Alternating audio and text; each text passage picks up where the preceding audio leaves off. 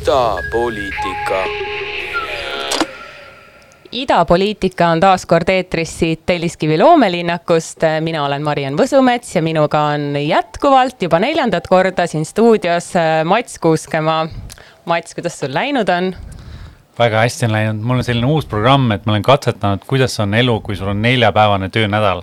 et kaks nädalat järjest ma võtsin reede vabaks, soovitan kõigile. Ütleme nii, et töö ei kao kusagile ära, aga natuke efektiivsem ma olin nende nelja päeva jooksul ja kindlasti sain palju rohkem puhata, soovitan teistelegi. tajusid sa siis, et sinu töö kvaliteet nendel neljal päeval oli parem?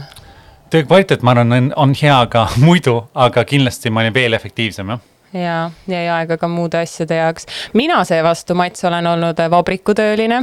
minu elukvaliteet ei ole nii hea olnud kui sinu oma, minul on väga pikad tööpäevad.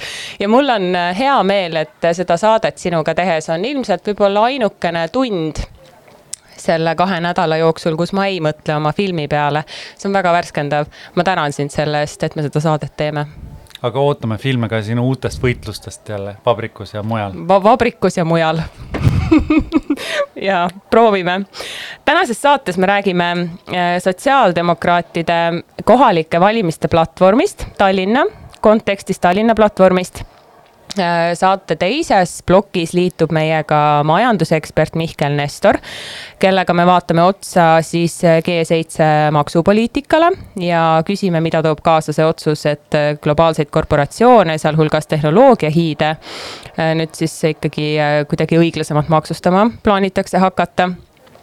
Ja saate me lõpetame värske uudisega Putini ja Bideni kohtumisest Genfis ja olgu öeldud, et see just lõppes, see kohtumine, me salvestame seda saadet täna ette kolmapäeval kell kakskümmend kaks õhtul, et on hiline õhtutund, aga meil on tuju hea, me oleme just värskelt vaadanud ära Bideni pressikonverentsi. mina vaatasin seda BBC World Newsist, Mats, kust sina seda vaatasid? sama jah, meil on, me saatsime pilte teineteisele samal ajal sellest, kuidas meile telekas äh, Biden kõneles. Nii et väga huvitavad teemad on meil minu meelest äh, täna ette võtta ja suhteliselt hea poliitika, head poliitikanädalad on olnud ka, võib öelda, et Eesti poliitikas, mis oli huvitav ja tore näha, oli näha Lavly Perlingu kõne ja platvormi siis parempoolsete juhiks, juhist ka siis Isamaa juhiks saamisel äh,. väga julge äh,, selge äh,, ütleme nii, et ma ei ütleks võib-olla liberaalne rahvuslus, aga, aga selline võib-olla äh, laial, laial, laiemale ringkonnale midagi pakkuv rahvuslus, kui, kui Isamaa erakond praegu seda pakub. et selles mõttes seda oli kindlasti tore positiivne näha ja loodame, vaatame, kuidas, kuidas tal siis läheb. ja mulle Kas... ka väga meeldis Lavly Perlingu kõne, et ta tõi seal välja ikkagi, et äh, kristlikud väärtused, millest Isamaa erakond võiks lähtuda, on ikkagi ähm, teistest hoolivad väärtused. ta tõi välja selle, et konservatiivsus peab ajaga kaasas käima ja peab olema kohanemisvõimeline selleks, et säiliks tuum. väga ilusti öeldud minu meelest ja mis veel oli Lavly Perlingu kõne puhul väga värskendav ja väga oluline, äh, on see, et ta ikkagi päris selgelt vastandas ennast, äh, nagu ta ise ütleb, räuskavale populismile ja pakkudes sellele siis enda näol alternatiivi ja see soovitas ka, et, et konservatism ei pea olema see, et sa viskad külili Suessi kanalisse nagu, nagu üks laev, on ju, et, et tihti ma kardan, et osad meie isa, Isamaa poliitikud, nende sotsiaalsed vaated kahjuks täpselt nii on et ei lase, ei lase progressil endast mööda minna. väga, väga hea kujund. Jah, aga sa olid ka Riigikogus ja jälgisid Kaja Kallase umbusaldamist, mis jäi mulle natuke selgusetuks, et miks see mik-, miks seda tehti, mida talle ette heidetakse, et kas tema eh, süü on selles, et ta ei kuule EKRE-sse või Isamaasse või millega ta on hakkama saanud? täna tõesti avaldati umbusaldust Kaja Kallasele Riigikogus ja mul oli eh, võimalus ja kohustus jälgida seda pressirõdult Riigikogus. ja see umbusaldus kukkus eh, läbi, olgugi et siis sotsiaaldemokraatide, Isamaa ja EKRE fraktsioon seda umbusaldust toetas, aga hääli siiski kokku ei saanud.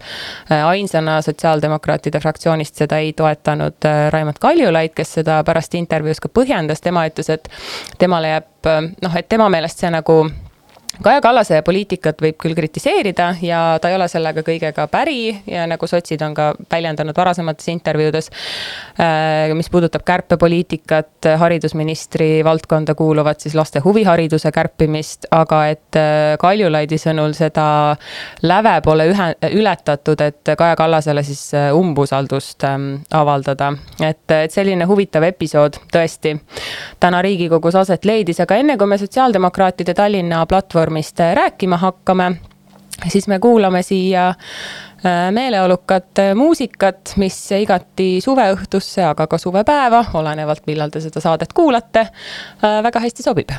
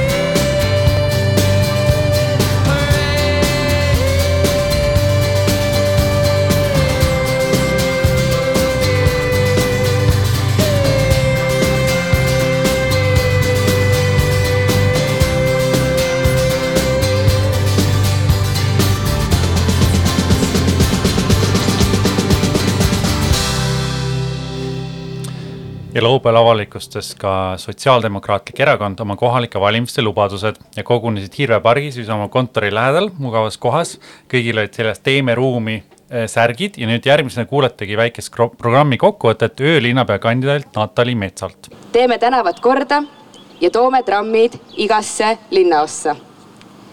viime ellu rattastrateegia. teeme korda lasteaiad ja koolid parandame arstiabi ja sotsiaalteenuseid, aitame luua töökohti, soodustades väikest ja keskmist ettevõtlust, viime ellu ööelu strateegia ja paneme tööle öölinnapea, käivitame neljapäevase töönädala ja kodanikupalga pilootprojektid. ja see oli sotsiaaldemokraatide öölinnapea kandidaat Natalii Mets ja tõesti, nii siis oli, et laupäeval Hirve pargis äh, sotsid kogunesid. Ja mm, mul on õnnestunud saada kätte ka nende brošüür, mida nad on siin usinasti jaganud. Ja kui ma nüüd ei eksi, siis sotsid vist ongi esimene erakond, kes oma kohalike valimiste programmi on avalikustanud, et äh, mulle tundub küll nii, et ma ei ole et noh, eks teised äh, jõuavad ka kohe järele aga, aga nii on ja mis mulle selles programmis äh, väga meeldib, on see, et on juttu neljapäevasest äh, töönädalast, mida sa, Mats, ka mainisid juba kui elukvaliteeti positiivselt mõjutavat nähtust siin saate alguses, aga ka kodanikupalga projekt ja ma uurisin ka sotsidelt, et mida nad selle mm, kodanikupalga projektiga täpsemalt silmas peavad, kas see siis hakkab kõigile kehtima, mis summas see on, et kõik need loogilised küsimused, mis sellega kaasnevad. ja nad ütlesid, et nad väga ei tahtnudki selliseid äh, veksleid välja käia siin brošüürides, sellepärast et see loodaks koostöös ekspertidega ja asjatundjatega Äh, moodustatakse ka see valim, et see ei tähenda seda, et kõik tallinlased hakkavad saama kohe kodanikupalka. aga kodanikupalk nähtusena, seda on katsetatud erinevates riikides äh, läbi aegade ja see on ikkagi pigem andnud selles mõttes äh, positiivset efekti, vastupidiselt sellele äh, kriitikale, et inimesed siis ju kulutavad kõik selle raha jumal teab mille peale ära ja see on täiesti mõttetu tegevus, et olukorras, kus kapitalile inimestel ligipääs enam ei ole samasugune nagu üheksakümnendatel või nullindatel, loob see väga palju ebavõrdsust ja inimeste võimalused raha teenida, aga ka see keskklassi maksustamine, mis äh, erinevalt siis äh, väga suurte summade teenijatest on on suurem koorem sellele keskklassile, rääkimata siis vaesematest inimestest, siis see kodanikupalga debatid igal juhul on äh, väga omal kohal kindlasti selliseid uusi poliitikaid tulebki katsetada Eestis, vaata ja vaata, kus seal läheb, eks, et, et see eesmärk on ju pikas perspektiivis ikka seesama, et inimesed saaks ise hakkama, et nad leiaks endale töö ja tegevuse, eks, et selles mõttes äh, see ei muutu. Aga kindlasti vaimsele terv-, vaimse, vaimne tervis on teema ka, mis, mida see võiks näiteks aidata. kui on hästi suur ebakindlus, siis see, see kindlasti mõjutab seda ma..., et igatahes huvitav idee, mida võiks katsetada. ja ma tegin hiljuti sellisele väljaandele nagu Edasi intervjuu kolme vabakutselise Eesti naisega, kes elavad vastavalt Tallinnas, Londonis ja Pariisis. ja üks neist tõi eriti teravalt välja, et, et mingid teatud asjad võiksid tänapäeva maailmas ja tänapäeva majanduses olla täiesti elementaarsed ja tasuta, nagu näiteks internet toit äh,, väga sellised radikaalsed mõtted, aga see lihtsalt illustreerib seda ja see inimene on kahekümne kolme aastane, kes mulle seda ütles. See lihtsalt kõneleb sellest, kuidasmoodi inimesed, kes üritavad omal käel hakkama saada äh, nii-öelda majandusolude kiuste, äh, võib-olla tunnevad ennast ja, ja see kodanikupalk on miski, mida on, äh, ma nüüd ei ütle seda, et internet ja toit peaks tasuta olema, vaid ma lihtsalt ütlen, et, et, et, et selleks, et elu oleks kvaliteetne ja selleks, et sa saaksid pühenduda kas oma loomingule või mis iganes tegevusele. aga kui sa pead kogu aeg mõtlema ainult selle peale, kuidas ellu jääda, siis see räägib meile ju sellest, et midagi tuleb ette võtta. ja kodanikupalka on katsetatud erinevatel etappidel, Soomes hiljuti näiteks katsetati seda, aga siis äh, valitsus või kohalik omavalitsus vist vahetus, see pooleli seitsmekümnendatel Kanadas Mintobas oli äh, Mincome oli selle asja nimi nagu minimal income äh, Mintobas. ja seal samamoodi andis see väga häid tulemusi äh,, arstiabi ähm, vajadus vähenes selles mõttes, et arstiabi oli ligipääsetavam ja seetõttu oli tervisekahjusid ühiskonnas vähem. aga ka üldine haridustase paranes, aga see kehtis seal samamoodi mõned aastad ainult ja mis selle peamise kodan-, mis peamine kodanikupalga eksperimenteerimise oht on see, et kui see ühel hetkel ära lõpeb, siis peab olema ka valmis selleks, et noh, mis nendest inimestest siis saab, kui me sellise võimaluse mingil hetkel oleme loonud ja siis selle nagu kuidagi tagasi võtame, et, et kui sotsid selle oma programmi on lisanud, siis ma näen seda alles nagu sellise täiesti esimese sammuna, et nad peaksid sellele leidma ka laiemat toetust teiste erakondade seas jah, eks Eestis on see reaalsus ka muidugi see, et meie üldine maksutase on ikkagi päris palju madalam kui näiteks Skandinaavias, et selles mõttes üldse korralikku sotsiaalriiki omada. et me oleme kuidagi sellega hakkama saanud, et nii paljugi saada, aga jah, me peame mõtlema tulevikus, kuidas seda paremini teha. igatahes katsetada uusi asju, mina olen alati selle poolt kui seda teha targalt ja mõistlikult läbi mõeldud. Igatahes, aga mis ma tahaks veel öelda, on, et äh, sotside programm võiks minu meelest üldiselt lihtsalt kõnetada noori inimesi, seal on lihtsalt uudsust ja julgust palju, samamoodi ka rattateed, trammiteed on ju, me näeme ka protsentidest, et sotsidel on toet-, rohkem toetajaid noorte seas, palju vähem vanemate seas, et nad on nagu Keskerakonnaga põhimõtteliselt pöördvõrdelised selles osas aga igatahes julge, julge huvitav programm ja neljapäevane töönädal, selle kohta ma ütleks samamoodi, et see ei pea olema iga nädal, see nelja näiteks. et see töö ei kao tegelikult kusagile ära, aga mingi periood näiteks, et sul on äh, nädalas, ma ei tea, kaks või, või, või, või kasvõi üks äh, reede vaba. tegelikult see on päris, äh, päris hästi mõjub, see üks, üks, üks lisapäev just ja siin ei ole ka vaja tegelikult lahtisest uksest sisse murda, et neid uuringuid on piisavalt tehtud selle kohta, et inimeste produktiivsus, rahulolu oma tööga, leidlikkus, innovatiivsus ja üleüldine heaolu ja sellest tulenevalt ka pereelu ja üldine ühiskonnas osalemine, kõik sellest võidab. ja ma olen ise ka tähele pannud oma töö puhul näiteks seda, et kui mul on mingisugused kontsentreeritud ajad, kus ma saan keskenduda ja mis mul on nagu tööle ette nähtud, siis ma teen palju lühema ajaga ära palju rohkem tööd ja ma teen seda palju kvaliteetsemalt.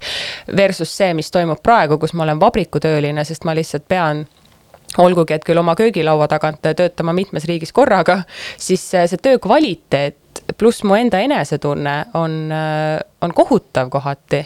ja siis mõtledki inimeste peale, kelle jaoks see ei ole mingi ajutine olukord, nagu näiteks mul hetkel, vaid kelle jaoks see ongi reaalsus ja võib-olla see töö, mida nad teevad, neile üldse ei meeldigi, et see on väga ruineeriv ja väga kurnav ja ma arvan, et sellisele sotsiaalsele aspektile mõtlemine ongi sotsiaaldemokraatide kohustus ja, ja väga jah, soovin edu neile selle programmiga.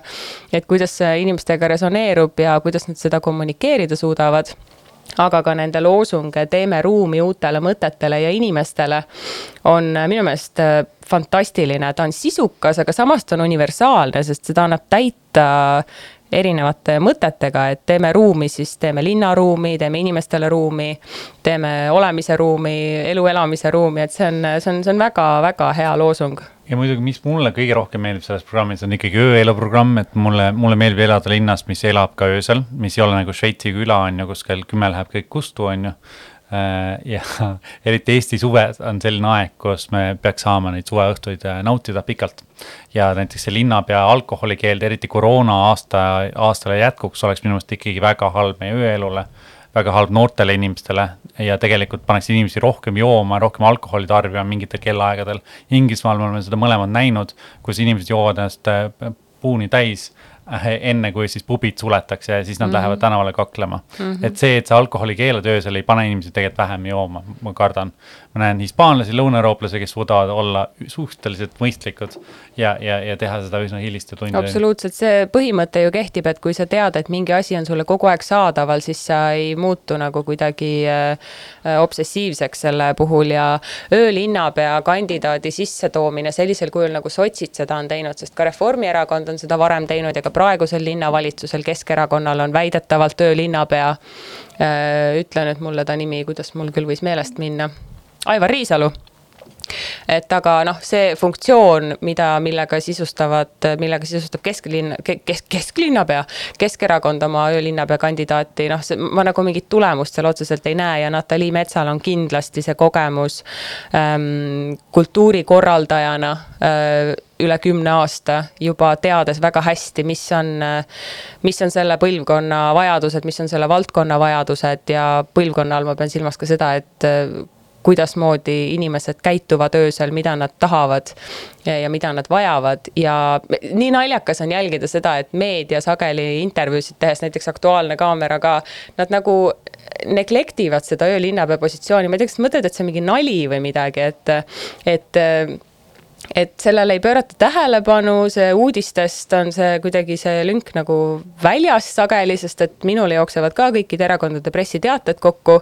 ja ma näen, et nagu pressiteate seda osa ei ole kunagi nagu kaasatud, et minu meelest see on hästi-hästi kummaline. et, et kas see siis ongi niimoodi, et kui miski tundub võõras ja pole kunagi kuulnud, siis ärme igaks juhuks kajasta või et minu meelest selle vastu võiks just huvi tunda palju rohkem jah, võib-olla see ongi liiga huvitav ja liiga uudne, et, et igaks juhuks peab selle sala, saladusena hoidma, aga igaks juhuks mainin ka seda, et Natalja Karvane käsi ei ole siin mängus, et me, me temast räägime. ei et, ole et, mängus, ma arvan, kui öölinnapea kandidaat oleks keegi teine, me räägiks sellest ikka ja sotside puhul näiteks ma mäletan kõige esimeses saates me olime päris kurjad ja kriitilised, me alustasime üldsegi sellest, et me rääkisime konservatiivsusest ja sellest, mida nemad võiks teha, et edukamad olla. Ja ma mäletan, et ma selles kõige esimeses saates ütlesin ka vist seda, et sotsidel ei ole säravaid persoone. Aga ma arvan, et ma vist rääkisin nende juhist, kui ma seda ütlesin, sest sotsidel tegelikult on säravaid persoone, kasvõi Natalii, kasvõi Raimond Kaljulaid, Lauri Läänemets absoluutselt ka. Lauri Läänemetsal on selline potentsiaal minu meelest, et ta on äh, oma personaažilt poliitikuna, ta meenutab mulle Jüri Ratast, sellise väga nagu rahvamehena mõnes mõttes, Mats, kuidas sulle tundub? Ma ütlen, ma, ma olen, ma ei ole teda nii palju jälginud, aga sotsidel kindlasti on, on inimesi ja, ja kindlasti sel, sel, nendel valimistel me näeme tugevaid kandidaate. ka eelmine kord oli neil Hiiumaa on ju vallavanem Reili Rand ka Lääne, Lääne-Eestist, eks ju, silmapaistev. Madis Kallas, väga populaarne Saare, Saare, eks ju, vallavanem. et neil on ka te, väljaspool Tallinnat on, on säravaid inimesi, kes kindlasti seal nendel valimistel silma paistavad. kahjuks kindlasti nende seas ei ole meie Narva, Narva linnapead Katri Raiki, kes ilmselt kandideerib siis mingisuguses valimisliidus koos Keskerakonnaga, ma eeldan. ja, ja ilmselt ka Tallinna soovise juht Rainer Vakra on, kes eelmine kord küll sotsidel tõi rohkem jama kaela oma plagiaadiga eelmistel valimistel mm. -hmm. et ka tema tegelikult, ta oli väga populaarne häältemagnet, nemad on ära kukkunud, aga tuleb uusi inimesi nagu Natali nii et äh, julge programm vajab julgeid inimesi ja eks me ootame, ootame parimat. natuke muidugi kahju sellest, et sotside väga tugevad numbrid on, äh, kaks tükki neist on Brüsselis, see on Sven Mikser ja Marina Kaljurand. ja kellest avalikkuses ka väga palju kuulda ei ole, on äh, Jevgeni Ossinovski, kes küll Riigikogus on väga aktiivne, aga kellel mulle tundub, on võib-olla natukene võib-olla natuke villand sellisest äh, lihtsustatud meediakajastusest, mis talle osaks sai siis, kui ta minister oli ja mis sotside puhul alati kaasas käib, on see küsimus, kui me ka nende programmist räägime, et kuidas seda kõike rahastada, et seal on ka see mm, meditsiinitöötajate palkade tõstmine sees ja haridustöötajate palkade tõstmine, et kust see raha siis ikkagi tuleb. ja noh maksud on muidugi, eks ole, see, millest äh, tundub nii globaalselt kui ka Eestis enam kuidagi nagu väga mööda ei saa, aga see meenutas mulle ühte, äh, ühte episoodi, mis on ähm, mida ütles kunagi äh, presidendivalimistel kuuekümne kaheksandal aastal Robert Kennedy, USA-s demokraat, kes põhjendas ära, kuidasmoodi ühiskonda ei peaks mõõtma või ühiskonna edu ei peaks mõõtma ainult selles, kui palju me toodame, vaid võiks keskenduda, võtta sinna kõrvale mõõdikuid, et mõõta ka ühiskonna heaolu. ja kui me hakkame järgmises plokis ka sellest G7 kohtumisest rääkima, siis äh, mul kuidagi nende kahe teema sümbioosis tuli see Kennedy äh, quote meelde, mis ütlebki noh, illustreerib väga hästi seda, et, et me peaks mõõtma heaolu ja ühiskonna edukust ka muus kui numbrites ja muus kui SKP-s. Yet the gross national product does not allow for the health of our children, the quality of their education, or the joy of their play It does not include the beauty of our poetry, or the strength of our marriages, the intelligence of our public debate, or the integrity of our public officials. It measures neither our wit nor our courage, neither our wisdom nor our learning, neither our compassion nor our devotion to our country. It measures everything in short, except that which makes life worthwhile. Et kahjuks jah, Robert Kennedy idee ei ole praeguseks läänemaailmas täielikult teoks saanud, aga siiski räägitakse sellist asjast nagu õnnelikkuse indeks ka. ja siis räägitakse vahest sellest, et Eesti peaks olema mitte viie rikkama, vaid viie õnnelikuma seas. ja on ka riike maailmas nagu Bhutan, mis üritavadki oma, oma siis edu tegelikult oma inimeste õnnes siis mõõta et äh, vaatame-näeme, aga ja mõte on hea. ja, ja väga äge on näha selliseid äh, think tank'e ja organisatsioone tekkimas nagu uh, Wellbeing Alliance eid on päris palju erinevates riikides, sealhulgas UK-s, Soomes, Rootsis, kes tegelevadki nii-öelda selliste mudelite koostamisega, et mis need mõõdikud siis mis need mõõdikud siis võiksid olla, aga me suundumegi kohe põhimõtteliselt selle teemaga, laiendades seda siis äh, maailmale, me hakkame rääkima G7 kohtumisest, mis toimus möödunud nädalavahetusel Cornwallis. ja enne seda me kuulame veel äh, muusikat ühelt mustanahaliselt artistilt, kes üheksakümnendatel oli UK-s väga populaarne, äh, Tasmin Archer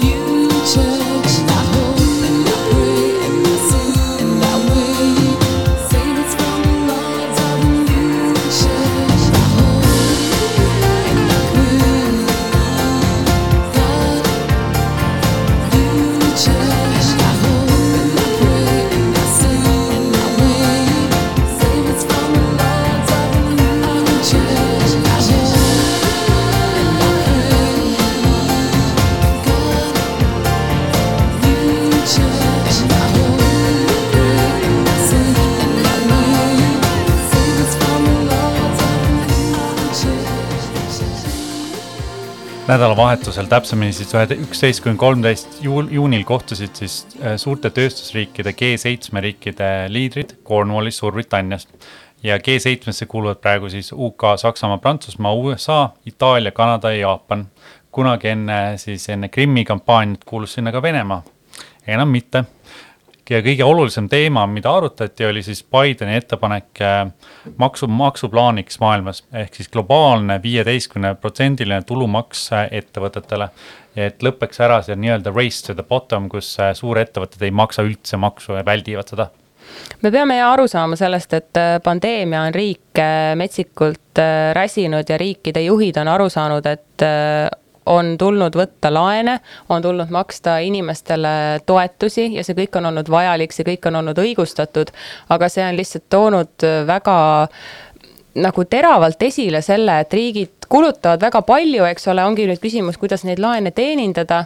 ja samal ajal me näeme, et tehnikagigandid äh, on äh, ainult võitnud sellest, ainult kasvanud sellest ja hiljutine USA uuriva ajakirjanduse ühing ProPublica avalikustas siis ka hiljuti midagi, mida me teadsime tegelikult ju juba ammu. et siis ülirikaste maksutulu riikidele on olematu ja samas, kui see keskklassi maksukoormus muudkui, muudkui kasvab, et see on kuidagi väga teravalt lihtsalt nüüd pildile tulnud ja seal G7 kohtumisel äh, siis äh, ka näiteks Prantsusmaa rahandusminister Bruno Le Maire põhjendas seda ähm,, seda, seda maksupoliitikat ja, ja miks seda vaja on ja ta ütles siis järgmist.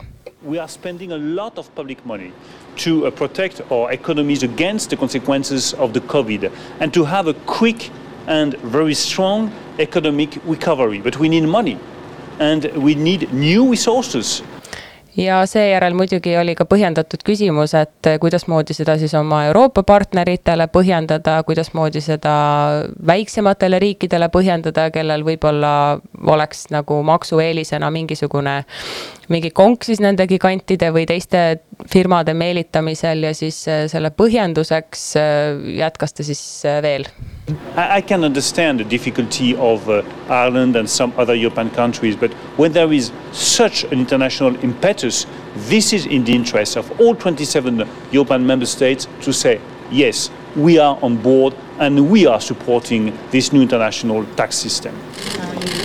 It is the ja me oleme täna kutsunud ka oma saatesse siis Mihkel Nestori, kes on SEB panga peaökonomist alates kahe tuhande viieteistkümnendast aastast ja arvamusliider peamiselt makromajanduse teemadel rohkelt sõna võtnud. hariduselt õppinud majandust ja avalikku haldust. tere tulemast meie saatesse, Mihkel. tervist. väga tore, et ma alustaks esimese küsimusena kohe julgelt meie eelmise teemaga.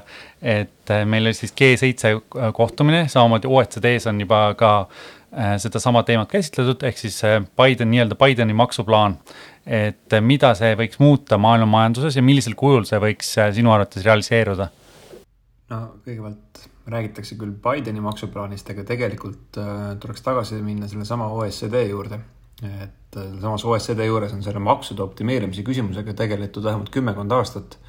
ja see praegune tulumaksu miinimumi kehtestamine on ainult üks osa neist tegevustest tegelikult on seal päris tubli tööd tehtud eri valdkondades ja tundub, et ka tulemuslikult. et see selline maksude optimeerimine on muutunud ikkagi palju keerulisemaks, kui see oli ehk kümmekond aastat tagasi. aga et kuidas see kõik, see praegune kokkulepe mõjutab maailmamajandust, et noh, praegu see on muidugi väga esialgne ja parajalt hägune. Neid detaile, et kuidas see maksustamine peaks hakkama toimuma, teame me täna väga vähe. ja praegu leppisid omavahel kokku ju ainult seitse riiki et järgmine kohtumine toimub siis juulis, kus kakskümmend riiki võtab selle teema arutelu alla ja lõpuks on vaja saavutada siis äh, saja kolmekümne riigi vaheline kokkulepe. rääkimata siis veel sellest, et äh, millal see kõik reaalselt jõustub, et see kõik võib võtta veel aastaid ma saan aru, et see tehniline pool on kõik veel väljamõtlemisel, aga kuidasmoodi see vähemalt võiks reaalsuses välja näha, et näiteks Eesti siis hakkaks maksustama neid eh, tehnikagigante, Google'it, Facebooki, isegi Amazoni ja nii edasi, et, et, et, et mis need hoovad on, kuidasmoodi me mõõdame konkreetselt seda, mis on siin riigis teenitud tulu ja kuidasmoodi me sellele siis rak-, rakendame mingisuguse maksu, et ma saan aru, see tehniline pool on lihtne öelda, et me mõtleme selle välja, aga, aga kindlasti saab olema väga palju vastuargumente nendel tehnikagigantidel endil, kuidasmoodi see igas riigis maksustamine siis välja hakkab nägema jah, no räägitakse tuludest, mis teenitakse ühes konkreetses riigis. Eks nende täpne mõõtmine on ka minu jaoks tegelikult äh, tume maa. aga samas päris nullist äh, sellega siiski ei alustata. et äh, tegelikult on nüüd peaaegu pooled riigid Euroopas kehtestanud nii-öelda digitaalse maksu, inglise keeles digital tax, mis on mõeldud just nende Ameerika suurte veebihiidude tuludelt väikese kümnise teenimiseks ja no Eestiski on ju sellest palju räägitud, et kuidas Google ja Facebook on kohalikelt äh, meediamajadelt ära võtnud reklaamitulu, sest paljud ettevõtted eelistavad end reklaamida just nendes kõige külastavamates sotsiaalmeediaportaalides või, või siis Google'is. ja mitmed riigid, suurtes siin näiteks Suurbritannia, Hispaania, Itaalia, Prantsusmaa, on vaatamata tegelikult USA vastuseisule mingil kujul sellise digitaalse maksu neile tuludele püüdnud kehtestada kuigi siis see täpne maksubaas ja selle maksu tehniline ülesehitus siin riikide lõikes muidugi erineb. Aga keda see maks siis suures plaanis võiks mõjutada? no Eesti puhul ma ei usu, et Eesti selles protsessis väga suur võitja saab olema. et Google'it või Facebooki maksustades rikkaks saaksime.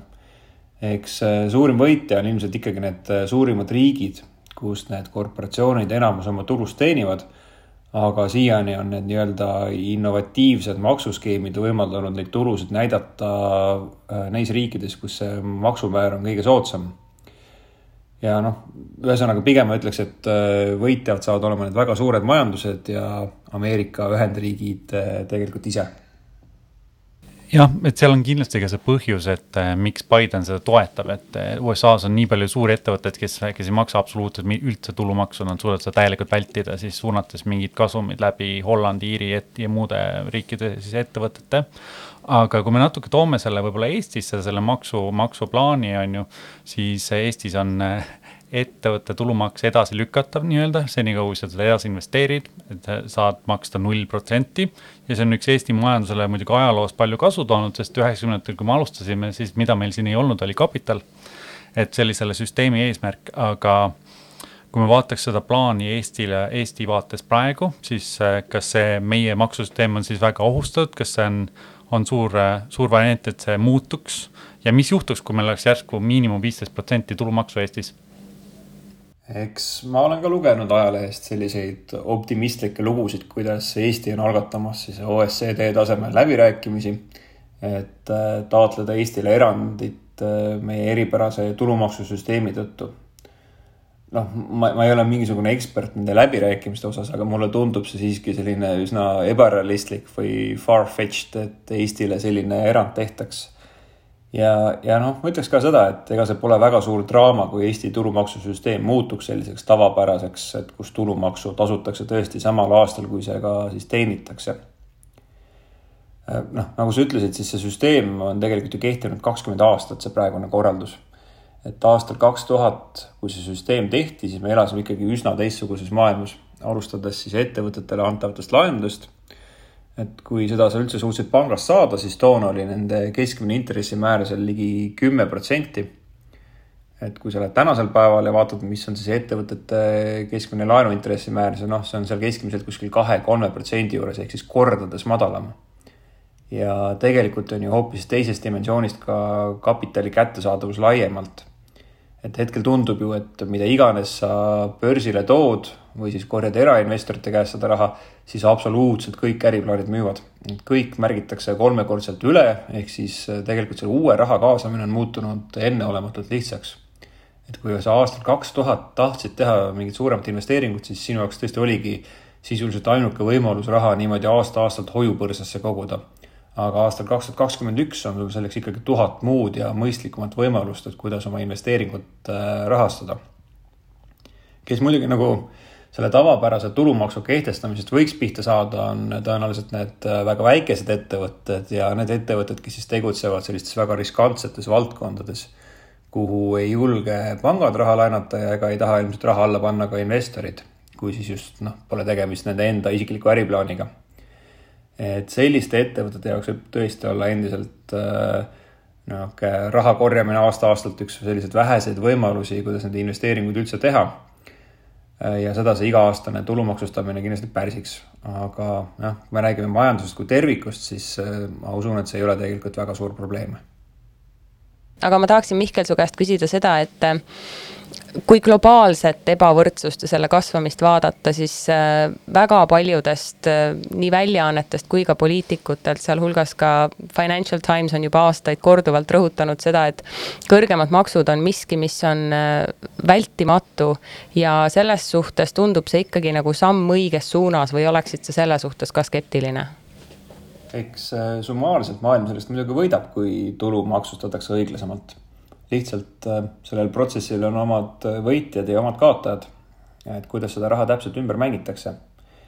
kui me vaatame näiteks neid palju kirjutatud maksuparadiise, kes siis igasugustesse mustadesse nimekirjadesse on kantud nagu Bermuda või Kaimani saared.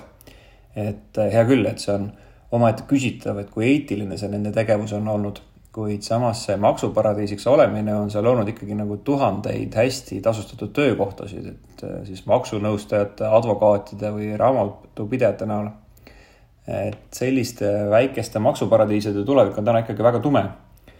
või kui siit kodult, kodule lähemalt võtta Euroopast, siis äh, noh, Iirimaa on olnud oma soodsa maksusüsteemi tõttu väga populaarne sihtkoht nende USA suurte tehnoloogiahiidude jaoks aga jällegi, et kui me vaatame nagu reaalset majandust, siis ainuüksi Google'i Iiri harus töötab seitse tuhat inimest ja noh, kogu Iirimaa info- ja sidevaldkonna töötajate arv, et see tegelikult on, seal töötab umbes kuus protsenti iirlastest, et see on tegelikult kogu Euroopa kõige suurem äh, määr, ütleme siis kogu, kogu riigi töötajaskonnast. ühesõnaga see selline äh, teatavas mõttes maksuparadiisiks olemine on tegelikult Iirimaal loonud äh, väga suure hulga väga reaalseid, äh, väga hästi tasustatud äh, töökohtasid. jah, sinu, sinu jutust siiski kokku, kokkuvõttes oleks see, et, et elu läheks edasi ka selle uue, uue maksusüsteemiga ka Eestis. aga viimase küsimusena ma tahaks küsida ka riigieelarve kohta.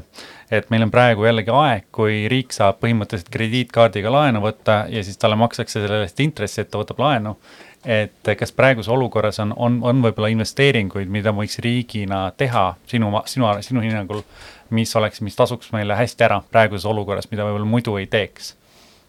kindlasti on, aga suur hirm on see, et need investeeringud, mis siis on poliitiliselt tasuvad, ei ole hiljem majanduslikult tasuvad.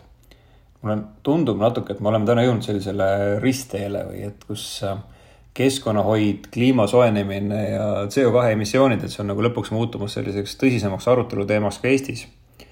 ja seetõttu ei pruugi täna nagu selline raha betooni valamine, mida me siiamaani väga armastanud oleme, olla enam päris see õige tee. aga et küll võiks mõelda siis selliste investeeringute peale, mis Eestile nagu pikaajalist tulu ja kasu loovad.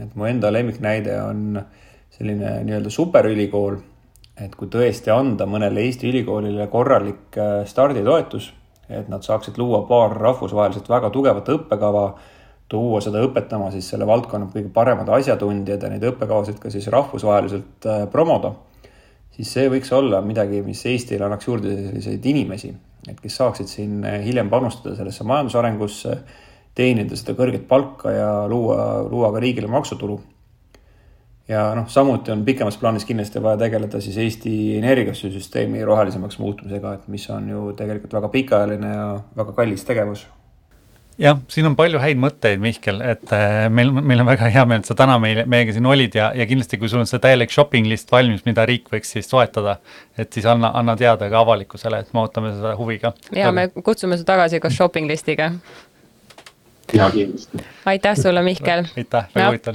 me hakkame kohe rääkima täna lõppenud ähm, Putini ja Bideni kohtumisest Genfis, mis oli siis äh, esimene koroonajärgne, ühtlasi esimene mm, Bideni presidendiks olemise aja kohtumine temal siis Vene presidendiga, aga enne seda sissejuhatuseks muusikat.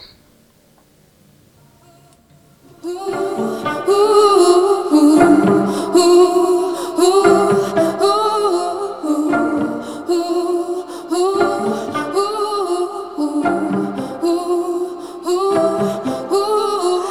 17, I started to starve myself. I thought that love was a kind of emptiness. And at least I understood then the hunger I felt. And I didn't have to call it loneliness. We all have a hunger.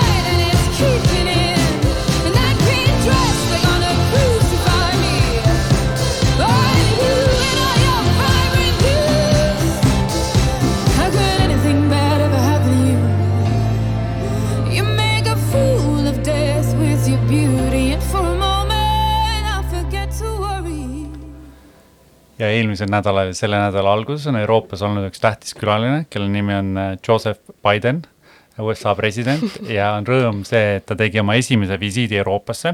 tema peamine sõnum on olnud see, et äh, the USA is back, et taasehitada oma liitlassuhteid ja ongi pole inimestel olnud äh, midagi uudset näha äh, siis transatlantilist suhet jälle paremas vormis äh, näha meie liidrid kõrv kõrval seismas omavahel et koroona aja alguses on see nii-öelda kokkuminek või pärast siis USA valimisi, seda on raske nagu ette kujutada, kui me ei näe neid liidreid kõrval.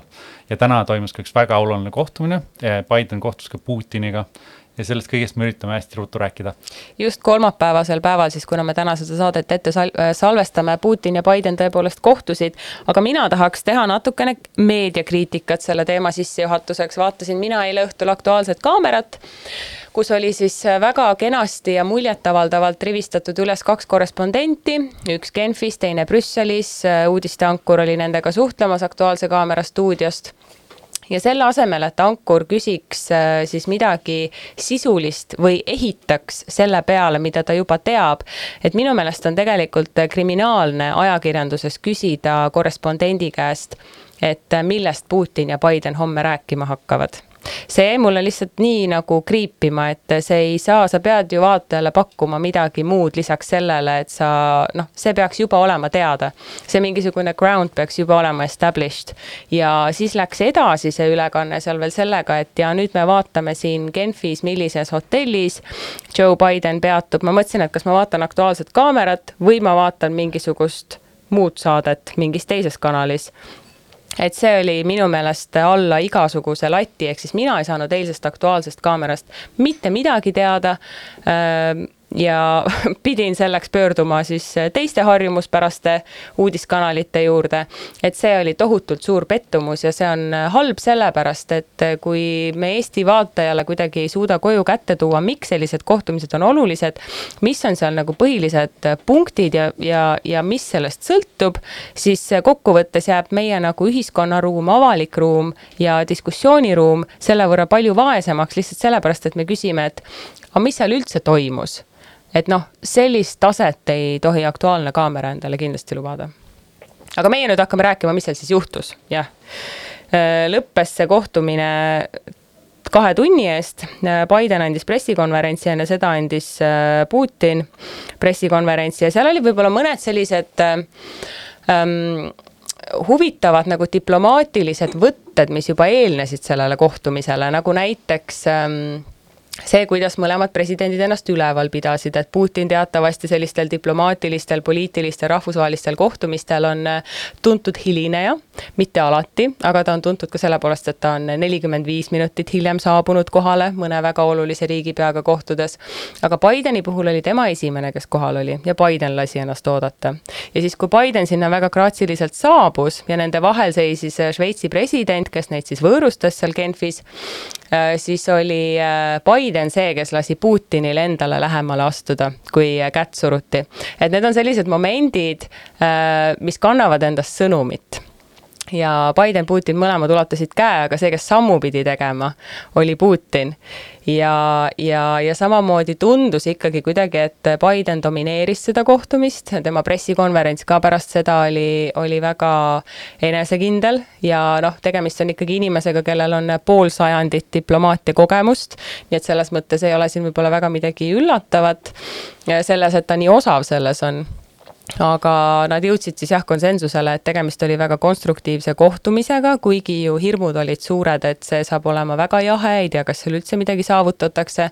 teatavasti Venemaa küberrünnakud äh, erinevatele riikidele, sealhulgas USA-le, äh, Valgevenes, Ukrainas toimuv ja, ja, ja, ja kõik, kõik muu see, et, ähm, et aga siiski Biden ütles, et tema läks sinna konkreetse sõnumiga, ütles, miks ta teeb, mida ta teeb ja tulemusena siis taastati diplomaatilised suhted selle võrra, et ähm, saadikud lähevad tagasi nii Washingtoni kui Moskvasse. ja, ja terve rida hulk asju veel, milles lepiti kokku, et vestlused jätkuvad, nii et ka Biden ise ütles oma selles pressikonverentsis pärast, et et see tulemus oli parim võimalik, mis, mis võis olla antud asjaolusid arvestades jah, nagu sa rääkisid, siis selle kohtumise juures oli palju kujundlikku ja üks asi oli muidugi ka see, mida, mida, mille tähelepanu pöörata, on see, et ühist, ühist pressikonverentsi Putinile ei antud. et need suhted on ikkagi suhteliselt kehvad ja kardeti, et, et seda võidakse nagu ära kasutada, andes ühine platvorm aga mm, võib-olla kohtumist üldse kirjeldades on, on, on just see mi, mi, põhjus, miks äh, Venemaa ja Hiina äh, õnnitlesid Bidenit märksa hiljem kui teised riigid, nad ootasid, et äkki Trump jääb kuidagi pukki. Äh, et, et ta ei ole ikkagi nii hea valik, valik neile, et see ebastabiilne, ootamatu Trump oli kindlasti nende, nende jaoks siis praeguse maailmasüsteemi raputamiseks palju parem parem variant ja täna kindlasti Biden näitas seda välja igas, igas võimalikus äh, žestis ja vormis äh, see, mis ta rääkis pressikonverentsil jäi silma näiteks see, et, et kui Putin soovib, et lääne, lääneriigid investeeriks Venemaasse, siis äkki ärge pange meie ärimehi vangi, olge mm -hmm. nii-öelda predictable, jälgige rahvusvahelisi eh, norme. et, et me ei saa kasu lõigata sellest, kui me laseme, istume puu otsas ja siis lõikame sedasamat puud, et, et see oli nagu hästi selge, selge, selge sõnum, mida ta, mida ta andis ja ma arvan, et täna saavad väga paljud diplomaadid minna palju rahulikuma, rahulikuma, rahulikumalt magama kui, kui nii-öelda Trumpi ajal, kui meil oli lihtsalt väga suur eba, nii-öelda me ei teadnud kunagi, mida üks kohtumine võib tuua. ja ka enne, sellele kohtumisele eelnenud on Euroopa Liidu äh,, USA tippkohtumine väga positiivne. seal lõpetati ära pikaajaline kaubandustüli äh,, siis Boeing ja Airbus äh, said omavahel rahu äh,. Need on jällegi kümneid aastaid kestnud vaidlused WTO-s äh, ja samamoodi ka äh, NATO tippkohtumine kus äh, USA rääkis ka kahe protsendi siis äh, kaitseinvesteeringute olulisusest, aga hoopis teise toonidega, kui seda tegi Trump, kes ähvardas NATO-st välja astuda. kui me näeme neid pilte, kus need liidrid seisavad, Trump versus siis ülejäänud ja siis nüüd Biden siis äh, püüdes taas võtta seda vaba maailma juhi rolli väga,, väga-väga erinev et Jaa. ütlekski selle kohta, et jääks see vaid nii Biden kogu aeg rõhutab ja seda, et USA on tagasi ja ma, ma mõtlesin ka seda Bideni pressikonverentsi vaadates lihtsalt, et mu iga teine mõte oli see, et no küll on tore, et see ei ole Trump. Ja, ja üks põhjus võib-olla veel, miks neile ühist pressikonverentsi ei antud ja miks need suhted nagu ühe kohtumisega kohe äh, fööniksina tuhast tõusta ei saa, on, on ka see, et äh, Biden ju teatavasti aasta alguses äh, suutis veel nimetada Putinit killeriks. sõna otseses mõttes see oli nüüd praegu quote, mille peale Putin ütles, et it takes one to know one. ja ka oma G7 kohtumises, mis siis eelnes sellele tänasele Genfi kohtumisele ütles, ütles Biden nõnda, et, et demokraatiad, et suurim väljakutse on ikkagi demokraatiatel täna äh, pista rinda autokraatiatega, mõeldes sealhulgas siis kindlasti Hiinat, Venemaad ja ma arvan, et ei jäänud ka see ilmselt Putinil märkamata, et meenutame korra seda ka. I think we're in a contest, not with China per se, but a contest with autocrats, autocratic governments around the world, as whether or not democracies can compete with them in the rapidly changing 21st century. And I think how we act and whether we pull together as democracies is going to uh, determine whether our grandkids look back 15 years now and say, did they step up? Are democracies as relevant and as powerful as they have been? Ja üks asi, milles ei jõutud mingisugusele konsensusele, mida tõenäoliselt ka väga ei otsitud, aga mis tehti mõlema presidendi puhul selgeks, on see, et nende seisukohad selle osas, mis toimub Navalnõi ümber, on väga erinevad. Putin põhjendas siis äh, Navalnõi vangistamist sellega, et tegemist on ekstremistiga, kes Venemaale tagasi tulles tahtiski saada vangistatud, mille peale siis äh, Bideni käest pärast ka pressikonverentsil ajakirjanikud küsisid, et kuidas ta käitub siis, kui äh, Navalnõi peaks surema vanglas või kui ta peaks selgusetutel asjaoludel surema, mille peale siis ähm, ta kuidagi keerutas ennast sellest välja, aga, aga need on küsimused, mis on jätkuvalt teravalt, teravalt õhus. jah, võib-olla NATO tippkohtumisest veel üks kommentaar, et, et seal, seal siis oli ühises äh, väljaütlemises, et Venemaad peetakse ohuks ja Hiinat süstemaatiliseks väljakutseks. et Venemaal Hiinal on, nende tegevusel on palju ühist, aga, aga see tonaalne erinevus jällegi Trumpi ajast natuke, et Trump, Trumpil oli siiski Hiinaga peamiselt kanakitkude ja, ja, ja Venemaa oli aeg-ajalt nagu sõber jah, ja G7 peab muidugi oma sellist nagu relevantsust ka ikkagi ähm, sellel silma peal hoidma, sellepärast et kui me mõtleme Hiina majandusele kombineerituna näiteks India, Brasiiliaga, noh, Venemaa küll selles mõttes SKP-s võib-olla nagu USA-ga ei konkureeri, aga aga kui me mõtleme, et G7-le võib tekkida mingite aastate perspektiivis väga jõuline alternatiiv ja siis ei ole G7-l enam seda positsiooni, millelt rääkida. et selles mõttes oli see Bideni autokraatiate sõnavõtt äh, vägagi oluline ja ma arvan, et see on kindlasti miski, millega nad arvestavad ja millest nad teadlikud on, aga mida nad kindlasti välja ei saa öelda, et, et, et nii-öelda demokraatliku maailma positsioon äh, ei ole ei ole garanteeritud. ja aga noh, mis sellest Putini-Bideni kohtumisest välja tuli ja kõlama jäi, ongi see, et ähm, jätkatakse siis ähm, erinevatel olulistel teemadel neid diskussioone ja see tegelikult ongi parim võimalik saavutus, mis mis sellest kohtumisest äh, tulla sai, nii et selles mõttes vähemalt mõneks ajaks on, on pinged maha võetud ja eks siis vaatame, kuidas see kõik kulgeb ja kas see ka reaalsuses nii produktiivne on, nagu see tänane väga meeldiv päiksepaisteline õhtupoolik Šveitsis. aga kokkuvõtvalt saab öelda jah, et diplomaadid saavad kindlasti paremini magada ja loodetavasti meie saatekuulajad ka. jaa